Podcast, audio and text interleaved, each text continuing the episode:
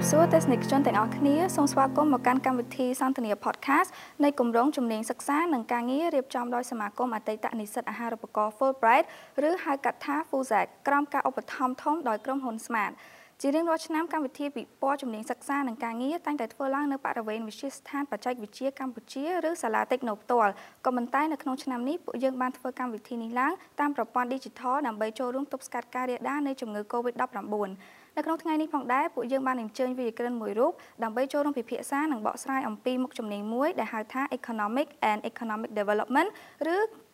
ក៏ការអភិវឌ្ឍសេដ្ឋកិច្ចអញ្ចឹងកុំឲ្យខាត់ពេលវេលាយូរយើងមកជួបជាមួយនឹងគាត់ទាំងអស់គ្នាជំរាបសួរបងចាអរគុណបងសម្រាប់ការចំណាយពេលវេលានៅក្នុងកិច្ចសន្ទនានេះហើយជាដំបូងបងអាចណែនាំខ្លួនទៅដល់ទស្សនិកជនបាទជាបឋមសូមអរគុណក្រុមការងារក្នុងការអឺហៅខ្ញុំមកចូលរួម ក្នុងការផ្ដល់ជាព័ត៌មានពាក់ព័ន្ធជាមួយនឹងមុខវិជ្ជាសេដ្ឋកិច្ចនិងសេដ្ឋកិច្ចអភិវឌ្ឍនេះខ្ញុំបាទឈ្មោះរដ្ឋវឌ្ឍនាសប្តាហ៍ថ្ងៃជាអ្នកស្រាវជ្រាវនៅវិទ្យាស្ថានស្រាវជ្រាវនិងបណ្ដុំដាលដើម្បីអវត្តកម្ពុជា ដែលយើងស្គាល់ថាជាវិទ្យាស្ថាន CDI អឺ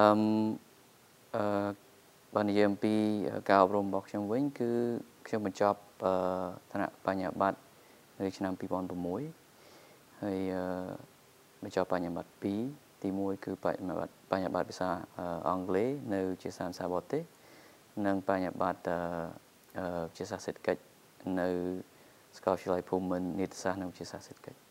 យើងហៅថា RULE អឺបន្ទាប់ពីចប់បញ្ញាបត្រទៅខ្ញុំបង្រៀននៅ IFL បានប្រហែលជាមួយឆមាសហើយខ្ញុំក៏បានជាប់អាហារូបករណ៍ទៅរៀននៅប្រទេសជប៉ុនគេហៅសាកលវិទ្យាល័យ Kobe អឺសម្រាប់ថ្នាក់ Master ផ្នែក Master ខាងវិទ្យាសាស្ត្រសេដ្ឋកិច្ចប៉ុន្តែផ្ដោតសំខាន់គឺទៅលើគេហៅសេដ្ឋកិច្ចអភិវឌ្ឍបាទខ្ញុំមកវិញនៅឆ្នាំ2009ឆ្នាំ2009ហ្នឹងខ្ញុំចូលធ្វើការជាមួយនឹងគេអង្គការសហប្រជាជាតិដើម្បីអភិវឌ្ឍកម្មវិធីអភិវឌ្ឍហៅកាត់ថា UNDP អឺបានប្រហែលជាមួយឆ្នាំបន្ទាប់មកខ្ញុំចូលធ្វើការជាមួយនឹងវិទ្យាសាស្ត្រ CDI នេះគឺឆ្នាំ2011 ចឹងមកទល់នឹងបច្ចុប្បន្នគឺធ្វើការធ្វើជាអ្នកស្រាវជ្រាវនៅវិទ្យាសាស្ត្រ CDI នេះផ្ទាល់ហើយក្រៅពីការងារពេញម៉ោងនេះ គឺក៏បង្រៀននៅ Department សិក្សាអន្តរជាតិនៃសាកលវិទ្យាល័យភូមិន្ទភ្នំពេញដែរហើយបរៀនមុខជាសេដ្ឋកិច្ចអន្តរជាតិហ្នឹង បងសម្រាប់មុខជំនាញដែលបងសិក្សាហ្នឹងខ្ញុំចង់សួរថាហេតុអ្វីបានជាបងសម្រេចចិត្តសិក្សានៅលើភាសាអង់គ្លេសនៅ IFL ហើយសិក្សាផ្នែកសេដ្ឋកិច្ចទៀតអឺតាមពិតទៅបន្ទាប់ពីចប់ទី12មកអឺបងមានអឺជំនាញ3ដែលចូលចិត្តជំនាញទី1ដែលចូលចិត្តជាងគេនោះគឺអឺស្ថាបត្យកម្មហើយនិងសំណង់ជំនាញទី2គឺអឺអឺជំនួយនិងពាណិជ្ជកម្ម ជំនាញទី3គឺសេដ្ឋកិច្ចនេះឯងអញ្ចឹងពេលដែលចេញមកគឺអឺដាក់ទៅ Techno ITC ហ្នឹងទៅសាលាច្បាប់ហើយនឹងទៅសាលានីមអឺមុនគេហៅនីមឥឡូវគេហៅនុំហើយនឹងដាក់ទៅ IFL ភាសាហ្នឹងបាទប៉ុន្តែអឺអឺមហាវិទ្យាល័យទាំងអស់ហ្នឹងជាប់ប៉ុន្តែ Techno អត់ជាប់ទេ អញ្ចឹងបងត្រូវសម្រេចរើសរវាងជំនួយនិងពាណិជ្ជកម្មរវាងសេដ្ឋកិច្ចហើយនិងសេដ្ឋកិច្ចអញ្ចឹងបងក៏រើសយកមុខជាសេដ្ឋកិច្ចទៅអឺហើយនឹងអឺភាសាអង់គ្លេសអឺតាមពិតទៅអឺការយកភាសាអង់គ្លេសនេះគឺដើម្បីជួយអឺក្នុងការអឺស្វែងយល់បន្ថែមទៅលើមុខជំនាញសេដ្ឋកិច្ចពីព្រោះអឺសម័យនោះគឺ ឯកសារមួយចំនួនធំ គឺនៅជាភាសាហើយភាសាអង់គ្លេសគឺជាភាសាមួយដែលយើងមានឯកសារច្រើនអញ្ចឹងយើងត្រូវតែរៀនភាសាអង់គ្លេសមួយទៀតដើម្បីជួយ ក្នុងការរៀនបច្ចេកទេសសេដ្ឋកិច្ចនេះផ្ទាល់អញ្ចឹងបានជាពេលដែលចប់ទី12ទៅគឺបងអឺសម្រាប់ថាក្រៅទៅពីជំនាញគឺត្រូវទៅរៀនភាសាមួយទៀត ហើយភាសានោះគឺភាសាអង់គ្លេសនឹងឯងអឺដើម្បីជួយក្នុងការអឺយល់ស្វែងយល់នៅពាក្យបច្ចេកទេសក្តី និងជាពិសេសគឺការអានឯកសារឲ្យបានទូលំទូលាយដោយសារតែឯកសារទាំងនោះគឺជាឯកសារភាសាអង់គ្លេសចាហើយអឺសម្រាប់ការសិក្សាសេដ្ឋកិច្ចហ្នឹងអឺហេតុអ្វីបានជាបងដឹងថាខ្លួនឯងថាគាត់បងនឹងចូលទៅក្នុងហ្នឹងថាកត្តាអ្វីដែលបងធ្វើឲ្យបងដឹងថាបងចាប់អារម្មណ៍នៅលើជំនាញហ្នឹង អឺតាមពិតទៅអឺដោយសារតែម្ដងទៀតដោយសារតែបងអត់ជាប់ techno ទេអញ្ចឹងត្រូវសម្រាប់រវាង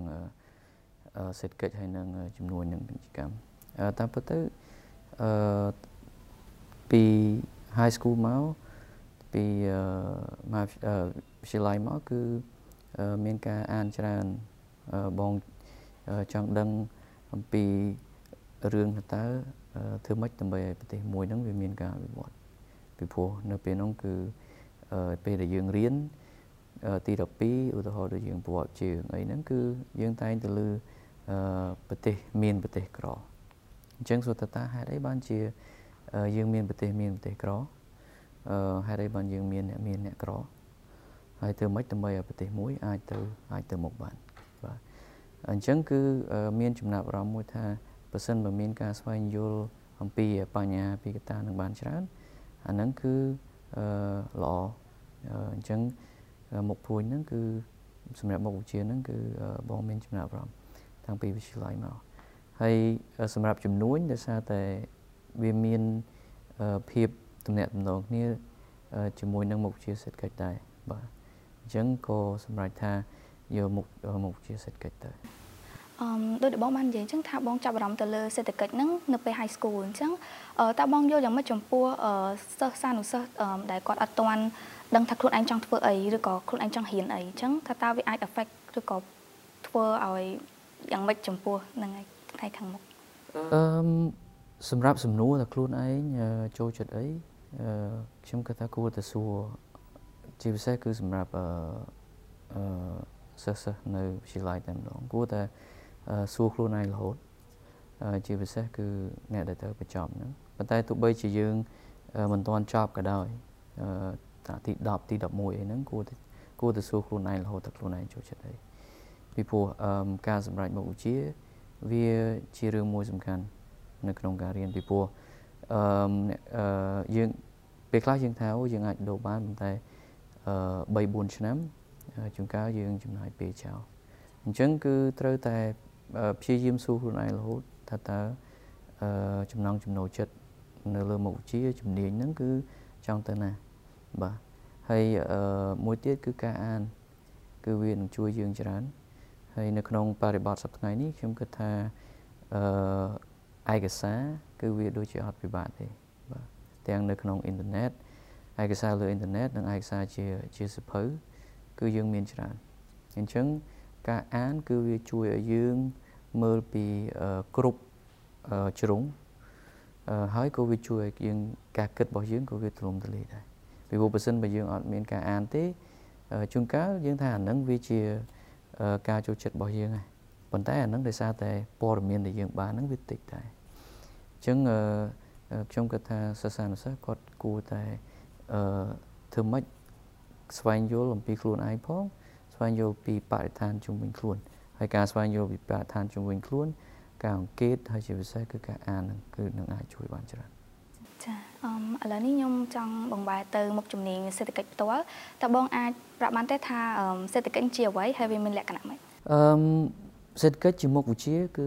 វាមានន័យទូលំទូលាយប៉ុន្តែនិយមន័យមួយរបស់សេដ្ឋកិច្ចគឺជាការសិក្សា និងជាការយល់ទៅលើការគ្រប់គ្រងធនធាន ការគ្រប់គ្រងឬការបែងចែកធនធានអឺហើយនៅក្នុងសេដ្ឋកិច្ចគេប្រើពាក្យ scarce resource ហ្នឹងមានន័យថាជាធនធានគេថាវាមានប៉ុន្តែវាមាននៅក្នុងកម្រិតមានកម្រិតអញ្ចឹងសម្រាប់អឺអឺនិយមន័យមួយនេះយើងអាចនិយាយអំពីនៅក្នុងកម្រិតបុគ្គលក្នុងកម្រិតគ្រួសារក្នុងកម្រិតជាតិណាអញ្ចឹង បុគ្គលក៏យើងគិតអំពីការគ្រប់គ្រងនិងការបែងចែកធនធានដែរឧទាហរណ៍ធនធានពេលវេលាណាធនធានលុយកាក់ធនធានចំណេះដឹងអឺកម្រិតគ្រួសារក៏អញ្ចឹងដែរហើយកម្រិតថ្នាក់ជាតិក៏អញ្ចឹងដែរអញ្ចឹងគឺពាក្យថាសេដ្ឋកិច្ចជានិយមន័យម៉ាត់ហ្នឹងអញ្ចឹងសួរថាតើជាមួយនឹងធនធានបែបហ្នឹងយើងគ្រប់គ្រងបែបម៉េចយើងបែងចែកបែបម៉េចណាដើម្បីឲ្យ welfare ឬមួយក៏គេហៅថាអឺជីវភាព របស់ប្រជាជននឹងបានបានប្រសើរឡើងអញ្ចឹង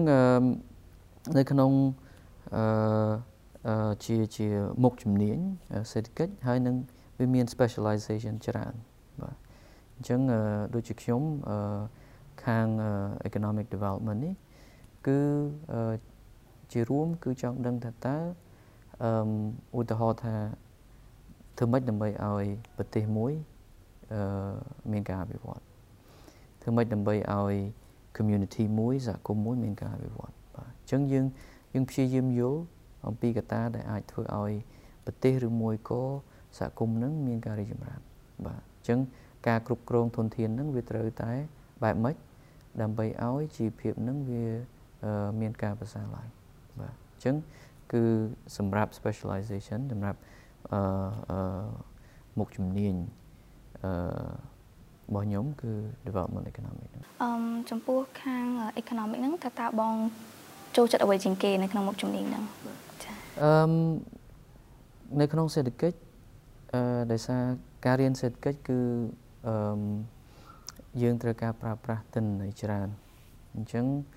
មួយផ្នែកដែលខ្ញុំចូលចិត្តនៃមុខវិជ្ជានេះគឺការចេះការស្គាល់និងការប្រើប្រាស់ទិន្នន័យតែម្ដងហើយទិន្នន័យនេះគឺ វាមានច្រើនប្រភេទហើយក៏វាមានច្រើនប្រភពដែរបាទអញ្ចឹងមិនទាំងទិន្នន័យថ្នាក់បុគ្គលថ្នាក់គ្រួសារឬក៏ថ្នាក់ជាតិគឺយើងត្រូវតែស្វែងយល់ហើយសេដ្ឋកិច្ចគឺ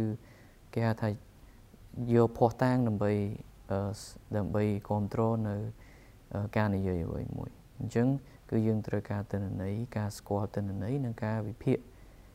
ទិន្នន័យអញ្ចឹង ការប្រើប្រាស់ទិន្នន័យនេះគឺវាជាចំណុចមួយដែលខ្ញុំចូលចិត្តពីមុខវិជ្ជាចំណុចទី2ដូចខ្ញុំបានបញ្ជាក់អញ្ចឹងគឺមុខវិជ្ជាហ្នឹងគឺវាជួយឲ្យយើងដឹងថាតើធនធាននៅក្នុងប្រទេសមួយជាពិសេសហ្នឹងទៅគ្រប់គ្រងនឹងបែងចែកដល់របៀបណាអញ្ចឹងយើងដឹងថាតើជាជាប្រព័ន្ធជាប្រព័ន្ធថាតើវាចេញពីកន្លែងណាទៅកន្លែងណា ក្នុងការគ្រប់គ្រងប្រទេសជាតិមួយណា បាទយើងយើងមើលការរស់នៅសប្តាហ៍ការគ្រប់គ្រងគ្រួសារមួយយើងការវាវាលំបាកដែរអឺពីព្រោះការគ្រប់គ្រងធនធានរបស់គ្រួសារនិងការបែងចែកវាលំបាកចុះតម្រាំទៅការគ្រប់គ្រងប្រទេសមួយអញ្ចឹងបើសិនបើយើងដឹងប្រព័ន្ធហើយនៃការគ្រប់គ្រងវាចេញពីណាទៅណាអាហ្នឹងគឺវាជួយក្នុងការតាក់តែងនគរនយោបាយរបស់ប្រទេសហើយអាហ្នឹងជាចំណុចមួយដែលដែលខ្ញុំចូលចិត្តពីមុខវិជ្ជានេះផ្ទាល់ ចាហើយចុះចំណុចណាខ្លះដែលបងគិតថាមុខវិជ្ជាហ្នឹងវាមានអឺ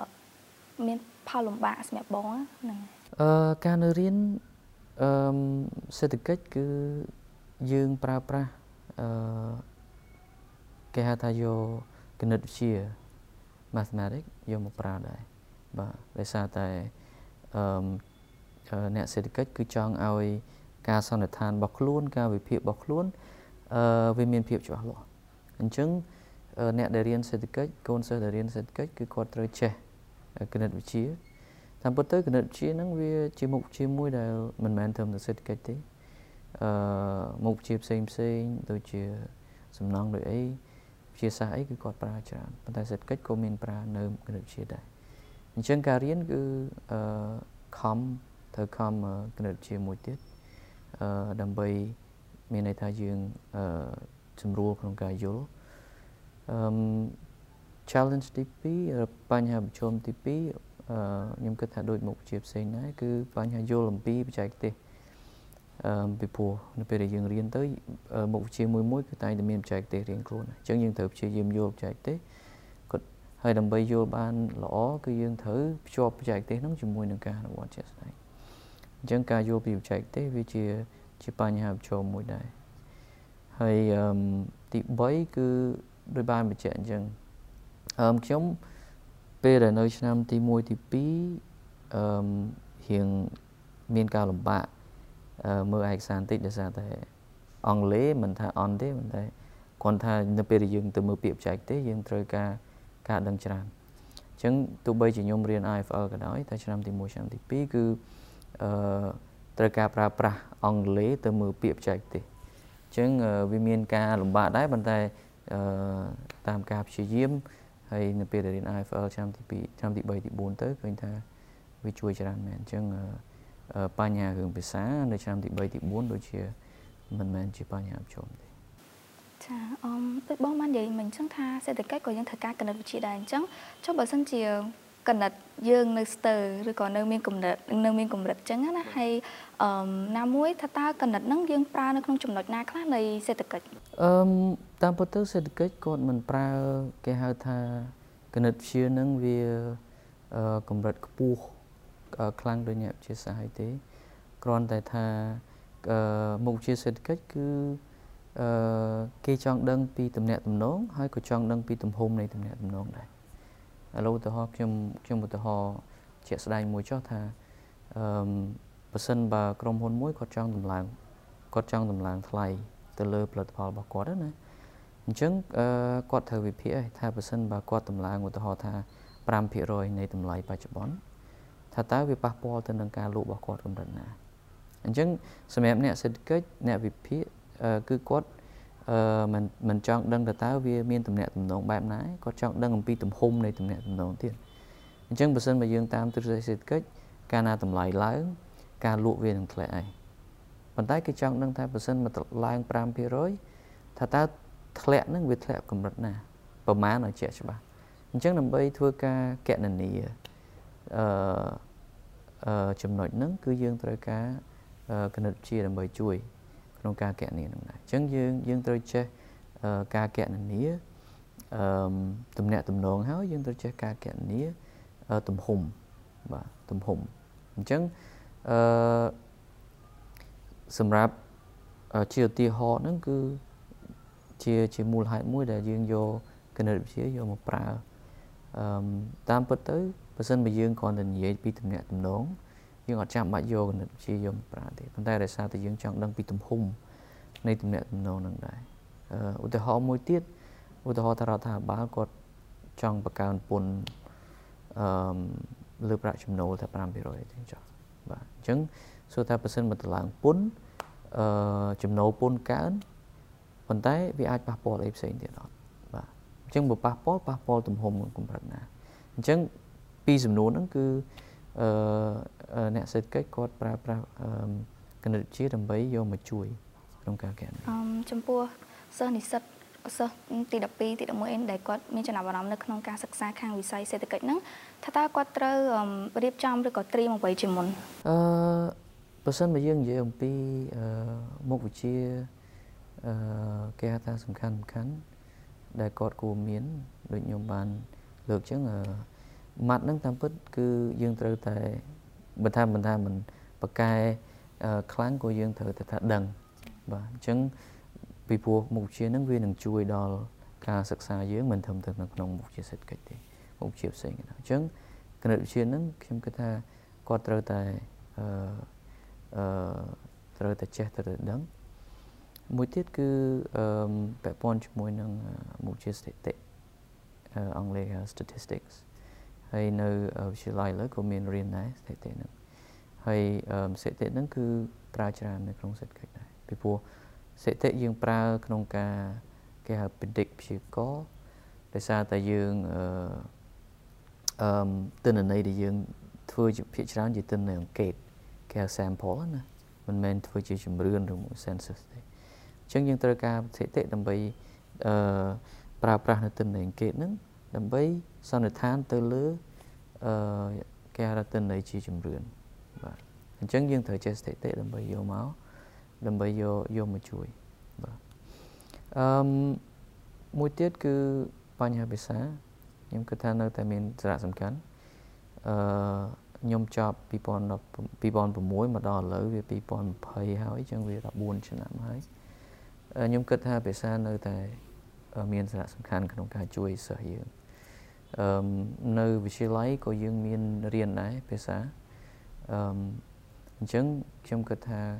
អឺពេលដែលគាត់នៅរៀនវិទ្យាល័យគាត់គួរតែប្រឹងដែរលើភាសាហើយមួយទៀតនៅពេលដែលគាត់ចប់វិទ្យាល័យអឺបើសិនបើគាត់អឺគិតថាភាសាគាត់នៅមានកម្រិតខ្ញុំគិតថាគាត់គួរតែបន្តអញ្ចឹងអឺអឺទី1គឺដោយសារតែអឯកសារយើងនៅជាភាសាបរទេសច្រើនដែរអឺ ជាពិសេសគឺភាសាអង់គ្លេសនឹងតែម្ដងអញ្ចឹងយើងត្រូវតែមានមុខព្រួយនឹងមួយទៀតដើម្បីយើងពង្រីកការយល់ដឹង តាមរយៈការអាននឹងពីព្រោះប្រសិនបើយើងប្រសិនបើយើងអត់សូវចេះភាសាខ្ញុំគិតថាយើងនឹងមានបញ្ហាប្រឈមច្រើនហើយបទពិសោធន៍របស់ខ្ញុំដូចខ្ញុំបានបញ្ជាក់ខាងលើអញ្ចឹងគឺឆ្នាំទី1ទី2គឺរៀងរៀងលំបាកដោយសារតែភាសាយើងនៅ មានកម្រិតដែរហើយ លើកនេះយើងប្រើប្រាស់ភាសាមិនមែនត្រឹមតែគ្រាន់តែអាន ជាលក្ខណៈទូទៅទេ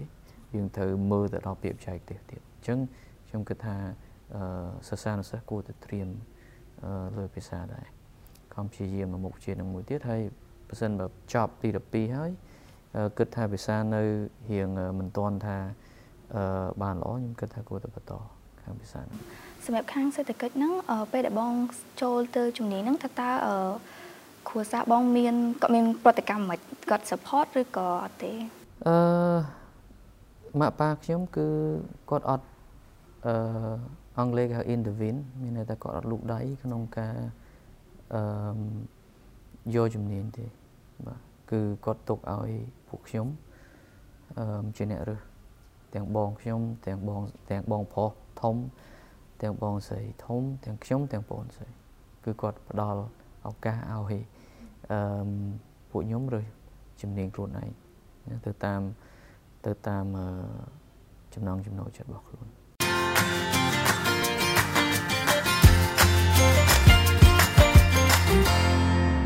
អញ្ចឹងក្រៅពីការសិក្សានៅក្នុងសាលាអញ្ចឹងថាតើយើងមានយើងអាចរៀនអ្វីខ្លះនៅជុំវិញបរិយាកាសយើងនឹងដើម្បីពង្រឹងខាងសេដ្ឋកិច្ចហ្នឹងចាអឺការរៀន ជាទូទៅ គឺយើងភ្ជាប់ការទ្រឹស្ដីហើយនិងការអនុវត្តបាទហើយអឺពេលខ្លះទ្រឹស្ដីវាគេហៅថា abstract មានន័យថាអឺអឺជួនកាលជាការសម័យសម័យមួយអឺដែលសិស្សពេលខ្លះគាត់ពិបាកក្នុងការភ្ជាប់ប៉ុណ្ណឹងមកជាមួយនឹងមកមកជាមួយនឹងអ្វីដែលកើតឡើង ជារៀងរាល់ថ្ងៃអញ្ចឹងអឺ សម្រាប់ខ្ញុំគឺការសិក្សាក្នុងក្នុងសាលាវាវាជាជា guide វាជាការនាំផ្លូវប៉ុន្តែបើសិនបើយើងអត់ព្យាយាមនៅខាងក្រៅស្វែងយល់ទៀតទេគឺអឺអាការយល់ដឹងរបស់យើងហ្នឹងគឺវាមានកម្រិតមែនតើអញ្ចឹងអឺរាល់ថ្ងៃនេះខ្ញុំគិតថាអឺដោយសារតែអឺ flow មានន័យថាលំហូរនៃព័ត៌មានហ្នឹងគឺអឺទោះបីជាវានៅនៅមិនទាន់ថា បានល្អ100%ប៉ុន្តែខ្ញុំគិតថាវាច្រើនជាងមុនអញ្ចឹងអឺការអង្កេតអ្វីដែលកើតឡើងនៅជុំវិញខ្លួន ការអាន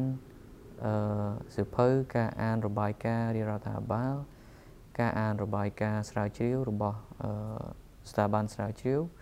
វានឹងជួយឲ្យយើងភ្ជាប់នៅអ្វីដែលយើងរៀននៅក្នុងសាលាអឺអឺទ្រឹស្ដីជាមួយនឹង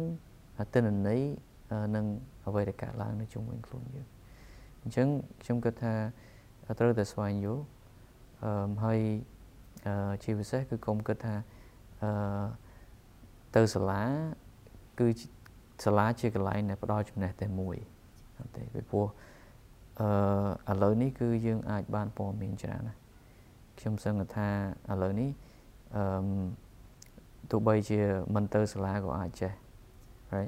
ប៉ុន្តែគ្រាន់តែមិនមិនមែន discourage មិនឲ្យទៅសាលាទេចំណុចគឺថាយើងត្រូវភ្ជាប់ពីព្រោះទៅសាលាយើងដឹងហើយ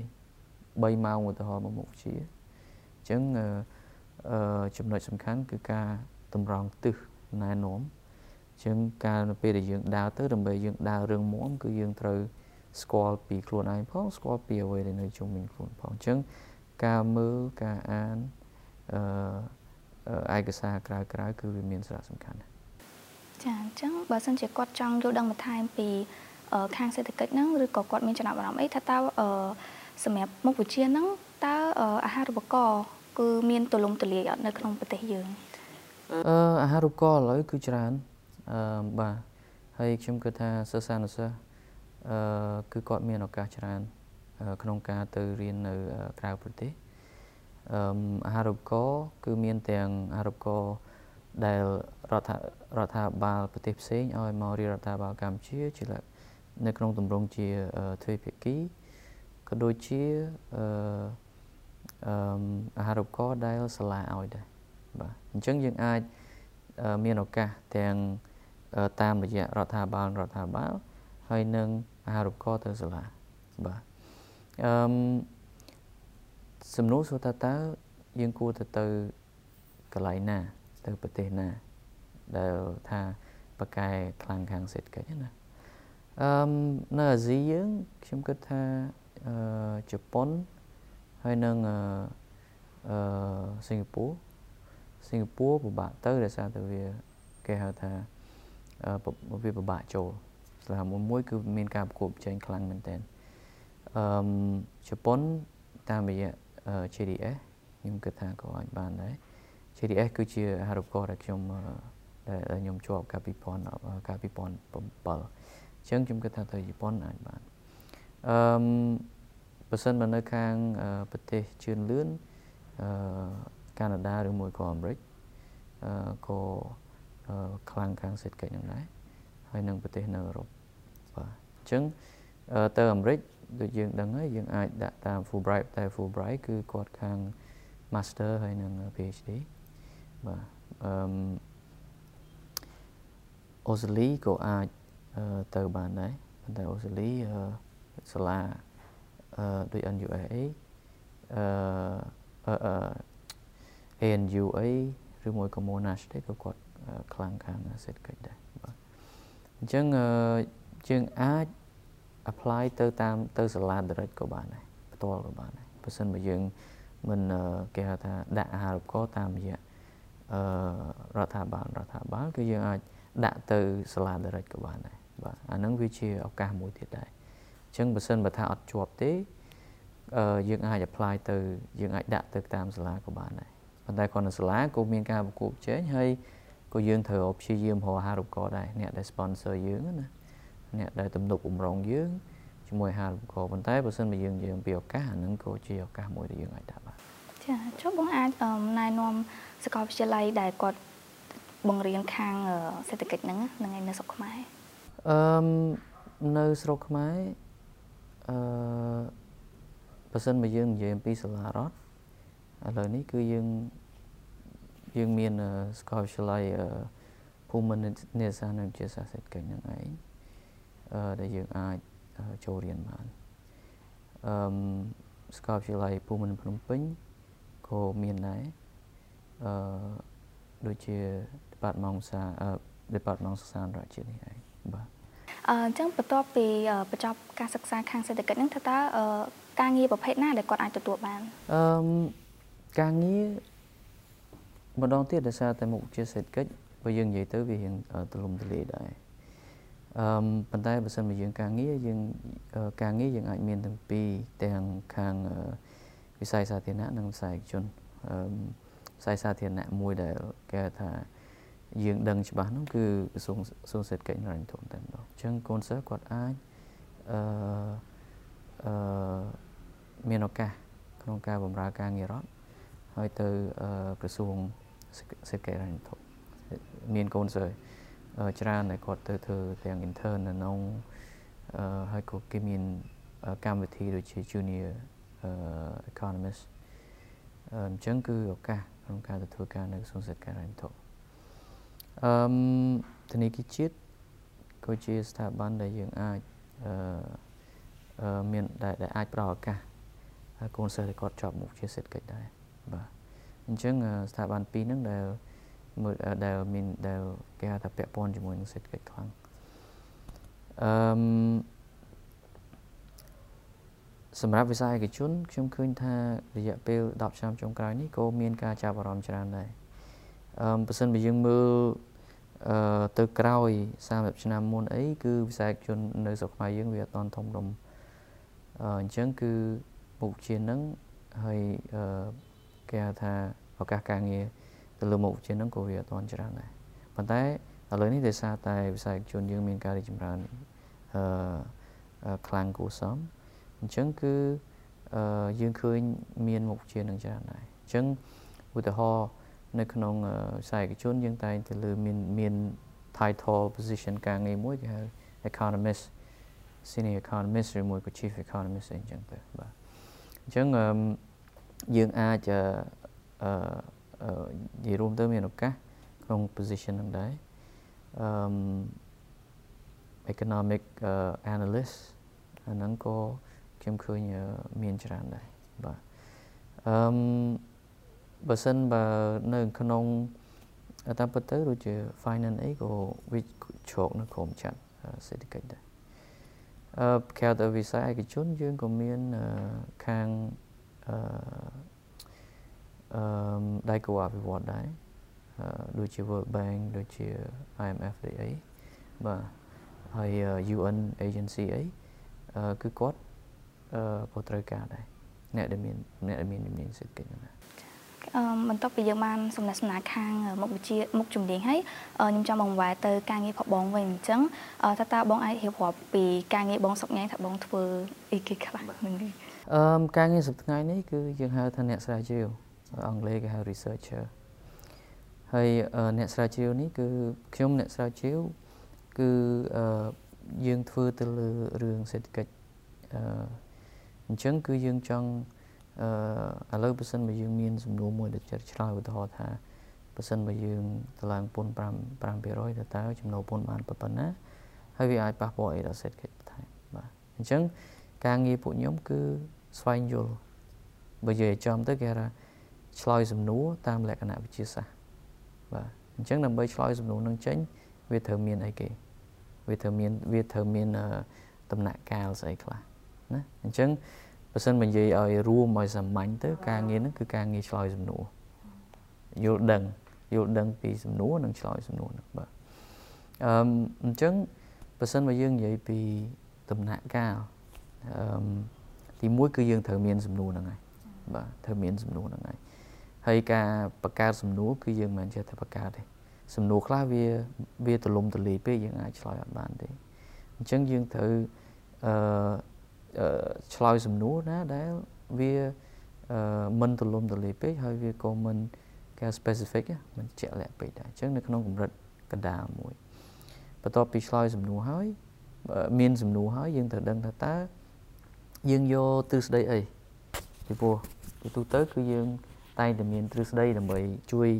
តម្រង់ទិសយើងឯងទៅលើបញ្ហាអីមួយណាអញ្ចឹងយើងត្រូវតែស្វែងយល់ថាតើមានទ្រឹស្ដីណាដើម្បី អឺមកជួយតម្រង់ទិសអញ្ចឹងយើងត្រូវយល់អំពីទ្រឹស្ដីហ្នឹងគេប្រើទ្រឹស្ដីហ្នឹងក្នុងកលៈទេសៈបែបណាហើយទ្រឹស្ដីហ្នឹងដើម្បីឆ្លើយថាតើគេប្រើទិន្នន័យបែបម៉េចអញ្ចឹងបន្ទាប់ពីយើងមានទ្រឹស្ដីហើយគឺយើងសួរថាតើយកទិន្នន័យណាយកទិន្នន័យអ្វីហើយយកមកពីភពណាដើម្បីប្រើពីព្រោះដូចខ្ញុំបានបញ្ជាក់អញ្ចឹងទិន្នន័យវាសំខាន់ហើយដើម្បីឆ្លើយសំណួរជាលក្ខណៈវិទ្យាសាស្ត្រគឺយើងត្រូវការទិន្នន័យ ពីព្រោះបើសិនបើយើងនិយាយថាអូបើសិនបើតឡើងពន្ធ5%គឺចំណូលពន្ធកើន10%ឧទាហរណ៍ណាអញ្ចឹងគេនឹងសួរយើងថាតើយកទិន្នន័យណាមកមកមកប្រើដែលវាយើងអាចទាញសេចក្តីសន្និដ្ឋានបែបនឹងបានណាអញ្ចឹងយើងត្រូវតែត្រៀមខ្លួនក្នុងការឆ្លើយអឺទិន្នន័យហ្នឹងជាទិន្នន័យអ្វីប្រភេទទិន្នន័យហើយប្រភពហ្នឹងមកពីណាបាទអញ្ចឹង យើងត្រូវសិក្សាពីទិន្នន័យហើយទិន្នន័យហ្នឹងវាអាចមានថាគេហៅថាទិន្នន័យបឋម primary data ហ្នឹងនិង secondary data អញ្ចឹងទិន្នន័យបឋមគឺយើងប្រមូលខ្លួនឯងបាទអញ្ចឹងបើសិនបើយើងមើលទៅយើងថាអូខេយើងត្រូវទៅប្រមូលទិន្នន័យខ្លួនឯងអាហ្នឹងយើងត្រូវប្រមូលទិន្នន័យខ្លួនឯងបន្ទាប់ពីប្រមូលទិន្នន័យមកហើយគឺយើងត្រូវអឺវិភាគយកទិន្នន័យហ្នឹងមកវិភាគអញ្ចឹង ជំនាញក្នុងការស្គាល់ទិន្នន័យក្នុងការវិភាគទិន្នន័យគឺជាជំនាញមួយដែលសំខាន់នៅក្នុងសម្រាប់អ្នកស្រាវជ្រាវអ្នកអ្នកធ្វើការស្រាវជ្រាវបន្ទាប់ពីវិភាគហើយយើងនឹងអឺគេហៅថាទាញសេចក្តីសន្និដ្ឋាន យើងនឹងត្រូវទៅសេជារបាយការណ៍ហើយយើងទាញជាសេចក្តីសន្និដ្ឋានដើម្បីឆ្លើយទៅនឹងសំណួរដែលយើងដាក់នៅខាងលើណាអញ្ចឹងនៅពេលដែលយើងវិភាគហើយថាអូខេឥឡូវមានសេចក្តីសន្និដ្ឋានហើយ អញ្ចឹងយើងកាន់អានឹងយកទៅឲ្យអ្នកអឺគេថាមន្ត្រីគោលនយោបាយវិញថាអូខេឥឡូវបើសិនម្នាក់ឯងបង្កើន5%អឺចំណូលពន្ធនឹងកើន10%ហើយនេះគឺជាការសិក្សាបើអ្នកឯងចង់យល់ detail អ្នកឯងទៅមើលរបាយការណ៍ហ្នឹងទៅទិន្នន័យមកពីណាទ្រឹស្ដីបែបម៉េចអីយ៉ាងម៉េចយើងវិភាគបែបណាគឺវាណាអញ្ចឹងការងារស្រាវជ្រាវគឺគឺអញ្ចឹងគឺថាត្រូវតែអឺ យើងមានអា step បែបហ្នឹងហើយមួយទៀតគឺអ្នក researcher គឺការអាននិងការសរសេរហ្នឹងគឺវា routine ហើយបាទត្រូវតែអានត្រូវតែសរសេរពីព្រោះអានហ្នឹងអានក្នុងន័យថាម៉េចអានក្នុងន័យស្វែងយល់ផងនិងអានក្នុងន័យថាតើសម្រាប់សំណួរមួយហ្នឹងដែលយើងចង់ធ្វើការស្រាវជ្រាវមានអ្នកធ្វើហើយនៅ អង់គ្លេសគេហៅ literature review ណាគឺចង់ដឹងថាតើមានអ្នកគេធ្វើហើយនៅបើសិនបើមានគេធ្វើហើយហើយ យើងទៅធ្វើអានឹងធ្វើអីទៀតណាជួនកាលប៉ុន្តែគ្រាន់ថាពេលខ្លះគេធ្វើហើយប៉ុន្តែគ្រាន់តែអឺគេហៅថា methodology វិធីសាស្ត្ររបស់គេវាអាចមិនទាន់ដល់កម្រិតអីចឹងទៅអញ្ចឹងយើងអាចយកអានឹង improve បន្ថែមបង្កើនមានតែធ្វើឲ្យវាល្អជាងមុនប៉ុន្តែការអានហ្នឹងគឺទាំងដឹងអំពីអឺបញ្ហាហ្នឹងហើយទាំងដឹងថាតើ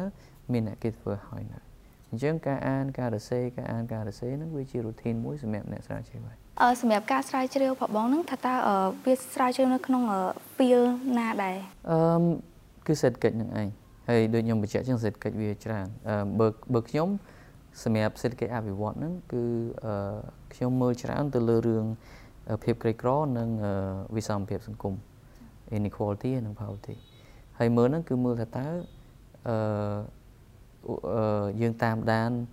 ថាតើបញ្ហាភាពក្រីក្រនៅស្រុកខ្មែរយើងវាយ៉ាងម៉េចហើយហើយមានកត្តាណាឬមួយក៏គោលនយោបាយណាដែលវាអាចជួយកាត់បន្ថយនៅភាពក្រីក្រនឹងបានចុះបងអត់មានចូលទៅខាងផ្នែកឧទាហរណ៍ថាវិស័យអប់រំឬក៏សុខភាពមានប៉ុន្តែមិន direct ទេបាទមិនមិនផ្ទាល់ទេអឺមួយទៀតគឺខ្ញុំមើលទៅលើរឿងអឺការវិវត្តសហគ្រាសធុនតូចនិងមធ្យម small medium enterprise អញ្ចឹងយើងជាទូទៅយើងមើលអំពីថាតើអឺបច្ចុប្បន្នភាពរបស់ពួកគាត់យ៉ាងម៉េចហើយគាត់ជួបប្រទះនៅបញ្ហាប្រឈមអីខ្លះហើយមានគោលនយោបាយអីដើម្បីជួយគាត់ដើម្បីឲ្យការរស់ស៊ីរបស់គាត់វាកាន់តែប្រសើរឡើងអញ្ចឹងបាទអញ្ចឹងអាហ្នឹងគឺនិយាយរួមទៅយើងស្វែងយល់អំពីអឺបញ្ហាប្រឈមរបស់គាត់និងស្វែងយល់អំពីអឺគេហៅថាប្រសិទ្ធភាព គោលនយោបាយដែលរដ្ឋាភិបាលអាចជួយពួកគាត់ធ្វើម៉េចឲ្យការរស់ស៊ីរបស់គាត់អឺបានល្អប្រសើរចាចុះចំពោះការងារបងថាតើបងគិតថាអឺក្នុងការងារបងសប្តាហ៍ហ្នឹងបងមានផលលំបាកអ្វីអត់ឬក៏មានបញ្ហាហើយបងចូលចិត្តធ្វើអីសម្រាប់ការងារ research គឺជាទូទៅគាត់គឺយើងត្រូវការ commitment ច្រើនពីព្រោះដោយបញ្ជាក់ចឹងយើងត្រូវតែអឺ update information រហូតអញ្ចឹងយើងត្រូវព្យាយាមយើងត្រូវយើងត្រូវការអានច្រើនបាទអញ្ចឹងអាហ្នឹងគឺហើយយើងដឹងហើយការអានអឺមិនមែនអានគ្រាន់តែថាអានទេយើងត្រូវយល់អឺយើងត្រូវស្គាល់អញ្ចឹងយើងចំណាយពេលច្រើនដើម្បីអានបាទហើយអឺអានឹងដែលអឺវាជាគេហៅថាអឺជាចំណុចមួយដែល keep us going ផងមានន័យថាចំណុចមួយដែលដែលវាជួយឲ្យយើងដឹងពី រឿងផ្សេងផ្សេងផងប៉ុន្តែ at the same time ក៏យើងត្រូវចំណាយពេលចំណាយពេលច្រើនដែរបាទអឺចំពោះអឺអឺការចូលចិត្តអឺខ្ញុំគិតថា research វា routine វាមានអា step របស់វាយើងត្រូវ follow ហើយវា routine ដែរប៉ុន្តែគ្រាន់ថាអឺអ្វីដែលខ្ញុំចូលចិត្តមួយពីការស្រាវជ្រាវគឺ again អាការអាននឹងឯងការអានការសរសេរមានន័យថាយើង យើងដឹងភាពថ្មីថ្មីរហូតយើង keep updating ourselves រហូតណាចាហ្នឹងគឺវាជាចំណុចមួយដែលអឺនិយាយចំទៅវាជាចំណុចល្អមួយនៃអឺមុខជំនាញឬមួយក៏ការងារ research ហ្នឹងដែរអឺសម្រាប់ការងារ research ហ្នឹងថាតើអឺអឺសិស្សនិស្សិតដែលគាត់មានចំណាប់អារម្មណ៍ហ្នឹងគាត់ត្រូវ expect ឬក៏ធៀមមិនដើម្បីអឺចូលជាមួយនឹងបរិយាកាសការងារហ្នឹង អឺទី1គឺត្រូវមានជំនាញនឹងហើយអឺពីព្រោះដូចខ្ញុំបានបញ្ជាក់ខាងលើអញ្ចឹងអឺការយល់ដឹងអំពីជំនាញហ្នឹងទ្រឹស្ដីហ្នឹងគឺត្រូវតែមានហើយអញ្ចឹងជំនាញហ្នឹងគឺត្រូវតែមានមួយហើយអឺចំណុចទី2នោះគឺត្រូវតែចូលចិត្តការអាននិងការសរសេរបាទអឺបើសិនបើយើងថាអូខ្ញុំចូលចិត្តទេការអានការសរសេរអប្រហែលជាមុខ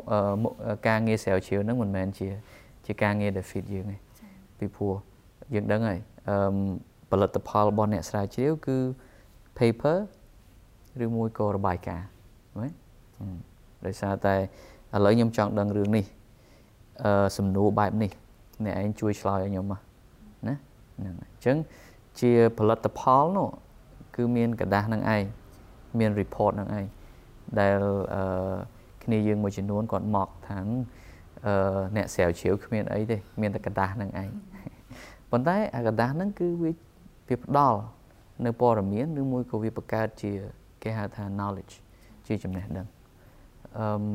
អញ្ចឹងគឺគាត់ត្រូវតែចេះអាននិងចេះសរសេរហើយគាត់ត្រូវតែចូលចិត្តវាបើសិនបើថាអត់ចូលចិត្តអានអត់ចូលចិត្តសរសេរប្រហែលជាការងារ research មិនមែនជាការងារអឺដូចបានបញ្ជាក់អញ្ចឹងគឺវាត្រូវការពេលវេលានិង commitment ហើយ អឺបើសិនបើធ្វើការនៅដូចកន្លែងដូច CDI អីយើងធ្វើការជាមួយទិន្នន័យច្រើន យើងប្រមូលទិន្នន័យច្រើនអញ្ចឹងអឺជួនកាលត្រូវទៅភូមិឆ្ងាយឆ្ងាយចុះខេត្តចុះអីអញ្ចឹងគឺត្រូវតែគេហៅថាមិនមែនថាឲ្យចូលចិត្ត traveling ទេប៉ុន្តែត្រូវតែអឺទៅអញ្ចឹងអញ្ចឹងបានបាទធ្វើចុះទៅខេត្តចុះទៅភូមិចុះទៅអីដើម្បីយកប្រមូលព័ត៌មានមក មកមកទៅ save វិញបាទអញ្ចឹងអ្នកដែលចូលចិត្តមិនថាដល់ adventure ទេតែអ្នកចូលចិត្ត travel អ្នកដែលចូលចិត្ត explore ណាអាហ្នឹងក៏ក៏ត្រូវដែរជាចុងក្រោយថាបងមានមតិឬក៏មាន tip អីសម្រាប់ដល់សិស្សទី12ឬក៏អ្នកដែលមានចំណាប់អារម្មណ៍ខាងវិស័យសេដ្ឋកិច្ចហ្នឹងថាតើហ្នឹងហើយបងមាន tip អីគាត់អឺបញ្ហារឿងអឺការត្រៀមខ្លួនហ្នឹងអឺដូច បញ្ជាក់ខាងដើមគឺអឺសំណួរទី1ត្រូវសួរថាតើចូលចិត្តអីគេណាចូលចិត្តមុខវិជ្ជាអីអញ្ចឹងបើសិនបើថាចម្លើយចេញមកថាមុខវិជ្ជាសេដ្ឋកិច្ចហើយខ្ញុំចង់រៀនខាងមុខវិជ្ជាសេដ្ឋកិច្ចហើយអញ្ចឹងគឺអឺត្រៀមខ្លួនអឺមុខវិជ្ជាសំខាន់សំខាន់ដែលខ្ញុំបានអឺផ្ដល់ឲ្យបាទហើយអឺនៅអឺ រក្សាការការអានរក្សាការគេហៅថាពង្រីកនៅចំណេះដឹងអឺរបស់ខ្លួនឯងហើយសម្រាប់ខ្ញុំគឺអឺការព្យាយាមវាសំខាន់ហើយយើងត្រូវទៅថាអូខ្ញុំទៅយើងយើងត្រូវទៅថាអឺភិច្រើនត្រូវថាខ្ញុំទៅមិនកើតទេខ្ញុំទៅមួយទេប៉ុន្តែបបិសរបស់ខ្ញុំគឺថាបើសិនបើយើងដាក់ចិត្តយើង commit hard working អឺព្យាយាមខ្ញុំគិតថាយើងអាចសម្រេចគោលដៅនឹងបានហើយចាអឺដោយសារតែពេលវេលាយើងមានកំណត់សូមអរគុណទៅដល់បងវឌ្ឍនាដែលបានចំណាយពេលវេលាចូលរួមក្នុងការផ្ដល់អឺបទសម្ភាសន៍តកតងទៅនឹងមុខជំនាញខាងសេដ្ឋកិច្ចនេះហើយខ្ញុំក៏សូមអរគុណទៅដល់ទស្សនិកជនដែលបានចូលរួមស្ដាប់បទសម្ភាសន៍នេះផងដែរពួកយើងសង្ឃឹមថាខ្លឹមសារដែលគាត់បានបកស្រាយនេះជាជំនួយដល់ការសម្រេចចិត្តក្នុងការជ្រើសរើសមុខជំនាញសិក្សាឲ្យបានសមរម្យ ជាថ្មីម្ដងទៀតសូមអរគុណដល់បងវឌ្ឍនាសម្រាប់ការចូលរួម និងសូមជម្រាបលា